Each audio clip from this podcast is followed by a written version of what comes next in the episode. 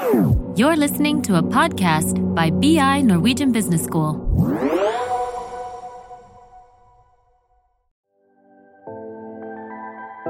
Velkommen til Karrierepraten med Sigrid og Agnete. I dag har vi med oss eh, vår kollega Ina Jetland.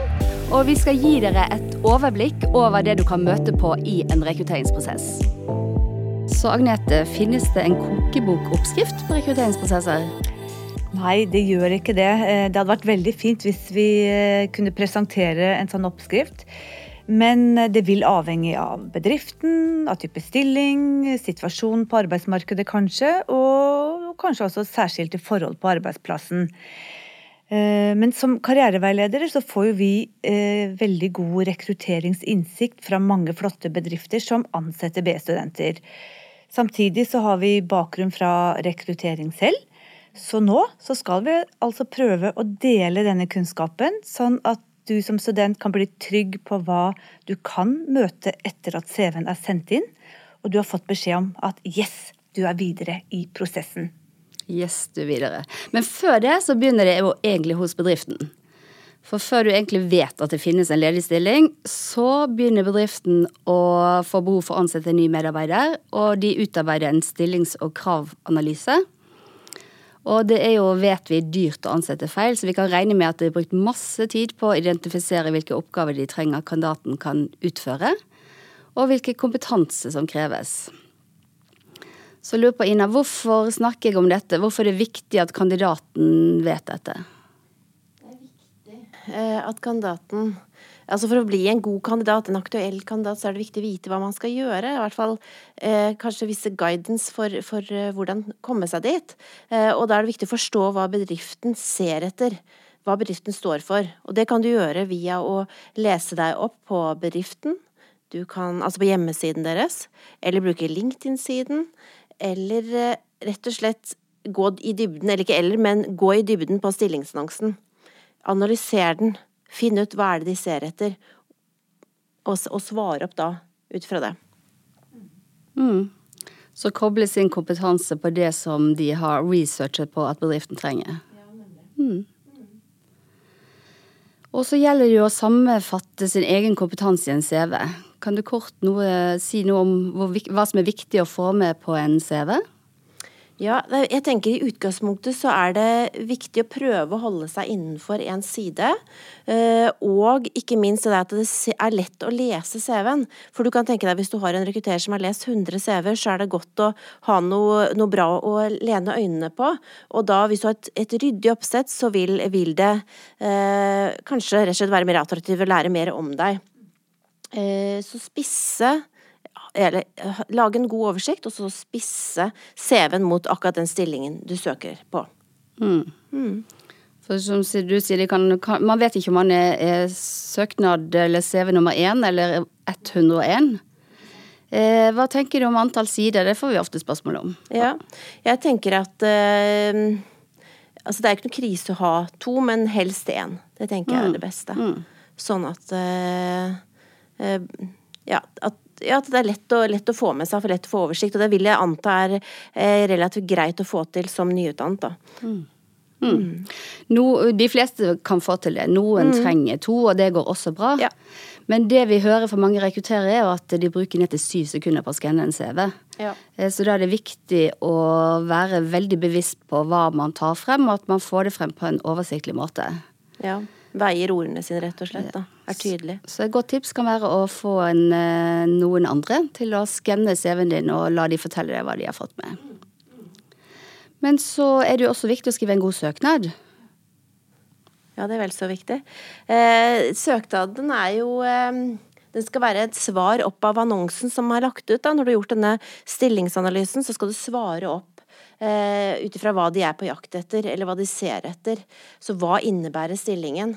Eh, det er også veldig viktig å vise interesse og motivasjon. Hva kan du bidra med? Eh, hva er dine eh, spesielle egenskaper, din merkevare, som vi tidligere har snakket om i en annen podkastepisode. Eh, så dette her med deg selv kompetansen din, interessen, og så kanskje du skal ha med et, eh, et, forslag på ting, eller et case du har løst, eller en oppgave du har gjort i forbindelse med arbeid eller andre saker som kan være eh, relevante for akkurat denne jobben. Mm. Og Agnete, da har vi på Karrieresenteret noen tips til hvordan man kan gjøre det. Vi har en modell som heter STAR-modellen. Eh, og som B-student så kan du gå inn på It's Learning og hente opp det kurset som heter Din vei mot drømmejobben, hvor vi går eh, mer i dybden. Men kort fortalt så står eh, Altså det er en strukturert måte å beskrive hva du kan bidra med i en jobb, eller komme med et godt eksempel. Så si du skal fortelle noe om at du er veldig god på å være planleggende, så står S-en, altså for situation. Så fortell eller beskriv kort situasjonen hvor du brukte denne egenskapen. T står for task, og det betyr altså da eh, oppgave. Så forklarer du oppgaven eh, du eh, gjorde. A står for action, handling. Altså da skal du beskrive helt spesifikt eh, de handlingene du gjorde for å utføre eller løse den oppgaven. R står for result, altså resultatet. Så da beskriver du hva som ble resultatet. Og på den måten da så har du et troverdig eksempel som du kan presentere i søknaden, og også senere på eh, et intervju, hvis du kommer så langt. Nå skal jeg utfordre deg litt, Agnete. Dette vet ikke du om. Tør du, tør du å bevege deg inn på et eksempel? Ja, det kan jo være dette hvis jeg tok dette med å være planleggende. Uh, at jeg kommer da på et, uh, sant, et intervju, og så, og så, kommer jeg med en påstand. Ja, jeg ser på meg selv som veldig planleggende. Og så kommer du da, Sigrid, og sier ja, men Agnete, så fint, kan du fortelle om en gang hvor du brukte den egenskapen? Og da vil jeg jo kanskje si jo, et godt eksempel på at jeg er planleggende, er at jeg uh, som B-student så har jeg sjonglert fulltidsstudier Samtidig som jeg har vært aktiv i studentforeningen og hatt en deltidsjobb eh, to dager i uken. Og for å få til dette her, det er liksom situasjonen, liksom konteksten bak, så måtte jeg være planleggende. Og det jeg da gjorde, var at jeg sant, har eh, satt opp eh, Vært veldig god på time management. Satt opp i kalenderen min, laget meg gode planer for når jeg skal jobbe, når jeg skal studere. Eh, og konkretisert dette helt på detaljnivå. Og resultatet av dette er jo at jeg har vært forberedt til eksamenslesningen, jeg har vært forberedt til jobbene mine, og jeg har klart å få gode karakterer og prestere godt på jobb. Mm. Veldig fint eksempel. Veldig bra, altså. Ja. og det som jeg sitter og tenker når jeg hører på deg, er at jeg tror på deg. Det blir veldig troverdig mm. Mm. at du har den egenskapen. Kjempefint. Mm. Takk. Men jo, bare hyggelig. Men så er det noen bedrifter som også benytter seg av tester i rekrutteringsprosessen. Det er det. Eh, jeg kan jo si litt om de tre typiske testene som man kan bli eksponert for. Det første er evnetester. Og det er tester som rett og slett kartlegger eh, dine kognitive, kognitive evner og IQ-en din.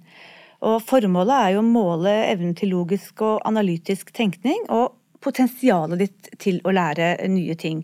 Og disse testene kan du bli eksponert for øh, ganske tidlig i en rekrutteringsprosess. Noen bruker det til å skrine. Så du liksom rett og slett får denne testen helt i starten. Og hvis ikke du får den scoren som, øh, som bedriften har satt, så er du rett og slett øh, brutalt nok ute av dansen. Så er det ferdighetstester. Eh, det er jo tester da som, eh, som navnet sier, skal fortelle eh, hvor du skal vise en spesifikk ferdighet. Så mens evnetestene kanskje sier noe om da, eller kanskje de sier noe om potensialet ditt eh, for fremtidig atferd, og, og at du vil kunne klare å utføre ting, så er eh, ferdighetstester noe som forteller hvor flink du er til noe her og nå. Det kan være alt av språk, eh, hvor god du er i språk, hvor raskt du er til eh, å skrive på PC, hvor god du er på Excel, etc. Og her kan du øve deg litt opp på forhånd. Hvis du vet at nå skal jeg bli eh, eksponert for en Excel-test ikke sant, eller en, språktest, så kan du øve. Mens IQ-tester, IQ-en vår ligger ganske sånn fast, så å, liksom, å øve seg opp til en bedre IQ, det, det er det verre med. Og så har vi det siste Og disse ferdighetstestene også kan man møte på gjennom hele rekrutteringsprosessen, men ofte også ganske tidlig i prosessen. Og så har vi da personlighetstestene. Mm -hmm. Og de eh, kommer ofte litt senere i eh, rekrutteringsprosessen hvis bedriften kanskje sitter igjen med en håndfull. Gode, kvalifiserte kandidater og har lyst til å bli enda mer kjent med de personlige egenskapene til kandidatene. Men du skal også være klar over at du kan bli eksponert for dette tidligere i prosessen. Og uh, i disse testene så uh, vil de finne ut av hvilke personlighetstrekk du har. Og de skal gjerne da være plukket ut sånn at det er de personlighetstrekkene som er viktige i den jobben, i det teamet, i den avdelingen og i den ja, Så det er en logikk i hva de kommer med? Det er det, ikke mm. sant. For det skal jo igjen være relevant i forhold til uh, de oppgavene og den, det teamet og det du skal gjøre i den mm. jobben. Så sånn sett er det en god informasjon den andre veien også. Hvis man kjenner at disse testene er fryktelig vanskelig og dette er ikke noe for meg, så er det faktisk en informasjon om at å, kanskje jeg skal ta en liten vurdering av om dette er jobben for meg. Går det an å si det? Helt, eh, helt enig, Sigrid. fordi her er det ikke snakk om å ha en, en, god eller dårlig score. Her er det snakk om at du selv bare må være ærlig. Uh, og hvis det ikke er en match, så, så, er det fint, for da hadde du kanskje ikke passet inn i uh, Eller du hadde ikke trives i det teamet. Så vær ærlig når du blir eksponert for en sånn personlighetstest. Mm. Ok, Så da vet vi hvilke tester som brukes, og hva bedriften ønsker å avdekke med de ulike testene. Eh, og så er det jo slik at tester kan oppleves veldig stressende. I alle fall hvis man ikke har gjort det før. Det fine er jo at det finnes uendelig mange muligheter på nettet til å øve seg. Eh, og det er lurt å gjøre, for da er ikke det så stressende likevel når man skal gjøre det når det virkelig gjelder. Eh, og så har jeg lyst til å bare understreke en gang til det du sa, Agnete, at disse testene er jo laget slik at de fanger det opp hvis man ikke svare oppriktig. Så det lønner seg ikke å tenke på hva som er lurt å svare, men å, å være ærlig og oppriktig. Ærlig og oppriktig, ja. ja. Mm. Og så synes jeg også det er liksom, Når vi skal konkludere litt sånn i forhold til dette med tester, at uh, i en god rekrutteringsprosess så skal bedriftene da ha valgt tester og øvelser som er best egnet til å avdekke akkurat de egenskapene og ferdighetene som de ønsker å avdekke. Så man skal ikke bli liksom eksponert for masse ulike tester, oppgaver og øvelser som ikke er relevant for den jobben du, du faktisk skal gjøre. Det er noe betryggende i det òg. Absolutt. Og så skal vi snakke litt om intervju. Da tar vi hele rekrutteringsprosessen. Eh, I disse dager så er det jo mange intervjuer som er digitale. Eh, men det er jo slik at det er jo mange av de felles eh, reglene, hvis man skal kalle det det, som gjelder for fysiske intervju og digitale. Det å være presis, være representativ i både klær og omgivelser, og generell fremtoning. Men i tillegg for digitalt intervju så må man selvfølgelig teste ut i forkant at alt fungerer som det skal på nett med lyd, lys, bakgrunn. Men hvis vi skal se litt på innholdet i intervjuet, hva er viktige punkter der? Ja, det er jo viktig, som du sa, dette bakenforliggende. Og så kommer du til mennesket som skal på intervjuet da, og vise seg selv. Jeg tenker at det, det der å, å, få fram motivasjon, vise glede og ønske om at man virkelig ønsker den jobben som man er på intervju for. For det synes så utrolig godt hvis man ikke er motivert. Så det der å, å, å bygge seg opp en motivasjon og ha studert på en måte jobben skikkelig, sånn at man vet at dette er noe for deg, det er relevant. Eh, og det kan du gjøre gjennom, som vi snakket om i stad, også research, ikke sant. Kjenner jeg noen som jobber i bedriften? Kjenner jeg noen som har tilsvarende oppgaver? Eh, så du er helt sikker på at det er noe for deg. Eh, og dette her med det er jo motivasjonen for stillingen, men så er det også deg selv, da. Hvem er du? Eh, at du har øvd på det å presentere deg, eksempel. Eh, at det er spennende å høre på hva du har å bidra med som eh, både personlig, men også om du har noen gode eksempler på ting du har gjort. Og der kommer det du snakket om i stad, Anette. Dette med STAR-modellen, ikke sant. At du har rett og slett laget en liten sånn idébank, kan du kalle det. En liten bank med eksempler på opp oppgaver eller prosjekter du har vært med i, eh, som er relevante for denne stillingen, som du kan trekke fram da, for å få vise at jo, jeg er den riktige kandidaten, dette kan jeg bidra med, her kan jeg mye, og mye jeg kan, eh, kan tilføre denne bedriften. Eh, så kan det være lurt. Og det kan være litt sånn uvant i begynnelsen å lage seg en sånn type idébank, men jeg tror det er veldig relevant å bruke tiden, og få litt hjelp av andre eventuelt til å til å finne ut hvilke ja, type eksempler man kan ta med seg inn i, en, inn i et intervju. Um, ja Forberedt. Uh, har eksempler. Er god til å snakke om seg selv og er blid og glad og fornøyd. Og har blikkontakt med den man skal snakke med. Mm. Og så vet du at det er ulike intervjuer. altså Av og til så har jeg vært i intervjuet og tenkt at dette var en veldig hyggelig prat. Ja. eh, men eh, det er jo også gode holdepunkter for å hevde at det er de strukturerte, kompetansebaserte intervjuene som er mest pålitelige. Eh, så det er jo veldig mange bedrifter som, som, kan dette og velger det. Så det tenker jeg at det må studentene være forberedt på å møte. Men hva er egentlig det? Ja, et, et, strukturert intervju det innebærer at eh, alle får akkurat de samme spørsmålene. Sånn at svarene er sammenlignbare. Eh, og da kan de jo måle helt konkret etterpå ikke sant, og score deg. Ikke sant? Alle har fått akkurat de samme, samme spørsmålene. Og når de da i tillegg til har kompetanse, eh, der det er kompetansebasert, så er det det du var inne på, Ina. At de vil eh, at du skal komme med eksempler på tidligere. ikke sant?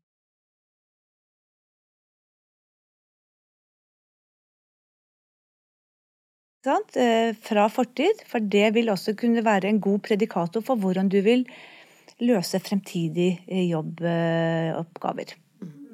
Og det er viktig å forberede seg på akkurat dette da, hvis du vet at du skal i kompetanse Eller ja, må, må, ha disse eksemplene på plass.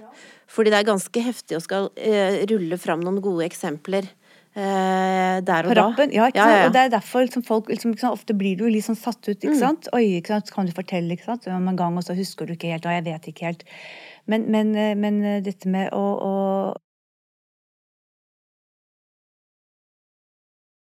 fortelle om en gang du brukte den egenskapen eller den personlige en, en, styrke du har. Fortell om, jeg, Hvis du sier at jeg er kjempe, er så initiativrik, så må du komme opp med konkrete eksempler ja. på når og hvordan du brukte den egenskapen. Ja. ja.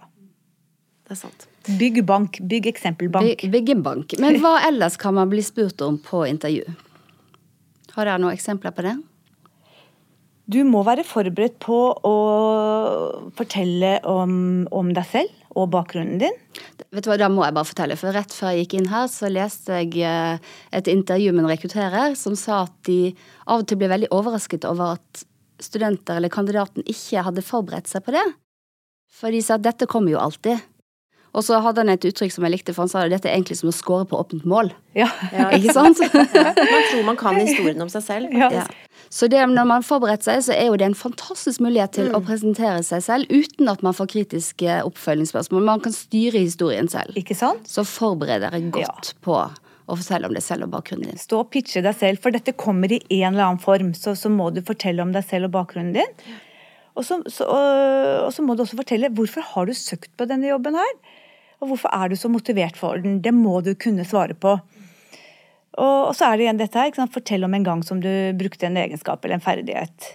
Og så selvfølgelig også til slutt, Sigrid, hvorfor skal vi ansette nettopp deg, da? Mm. Mm. Det må mm. du også ha et, et, godt svar på. Ja. Mm. Det må man ha tenkt igjennom. Mm. Jeg tror vi skal gå videre til caset, for det nevnte jeg også i starten. Eh, case kan jo komme i mange ulike former. Eh, men felles er jo at de skal simulere en realistisk situasjon for de arbeidsoppgavene som stillingen og rollen krever.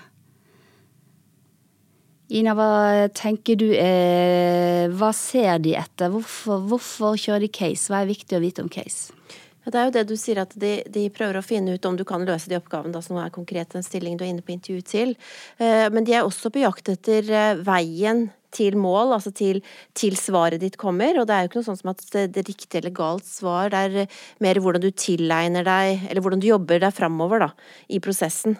Uh, og du, det er selvfølgelig hva du kommer fram til også, som er uh, altså, det du ønsker å presentere, men, men, de ønsker å se på kanskje stressnivået, hvordan man navigerer seg rundt etter informasjon, hvordan man presenterer det man har kommet frem til. Og jeg tenker at det er jo caser som både man kan forberede seg på, å presentere, og så er det caser som man får i intervjuet, som er der live, på en måte, mm. som du må løse. Mm. Det er jo forskjellige vanskelighetsgrader på mm. de, selvfølgelig, da. Mm. Men at det er vanlig å bruke og gjøre, det, det er helt sikkert. Ja. Og da kan det jo være at man får noe som man ikke klarer å svare på, men så tenker jeg det er viktig å vite at alle kan ikke svare på alt. Og ofte da så er det hvordan kommer du deg ut av det, hvordan henter du deg inn igjen hvis ikke du finner svaret. Du kan jo prøve å kanskje tenke litt gjennom, har jeg noen tilsvarende situasjoner? Eh, og spørre om du kan få lov til å fortelle om noe annet du har løst eller, eller fikset, og eh, noe du er stolt av.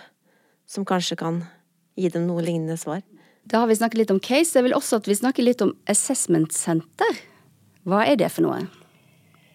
Det er eh, en sammensetning av flere metoder. Så i et sånn tradisjonelt assessment center så blir man eksponert for kanskje for et intervju, en IQ-test, personlighetstest, ferdighetstester og kanskje også ulike jobbsimuleringsoppgaver.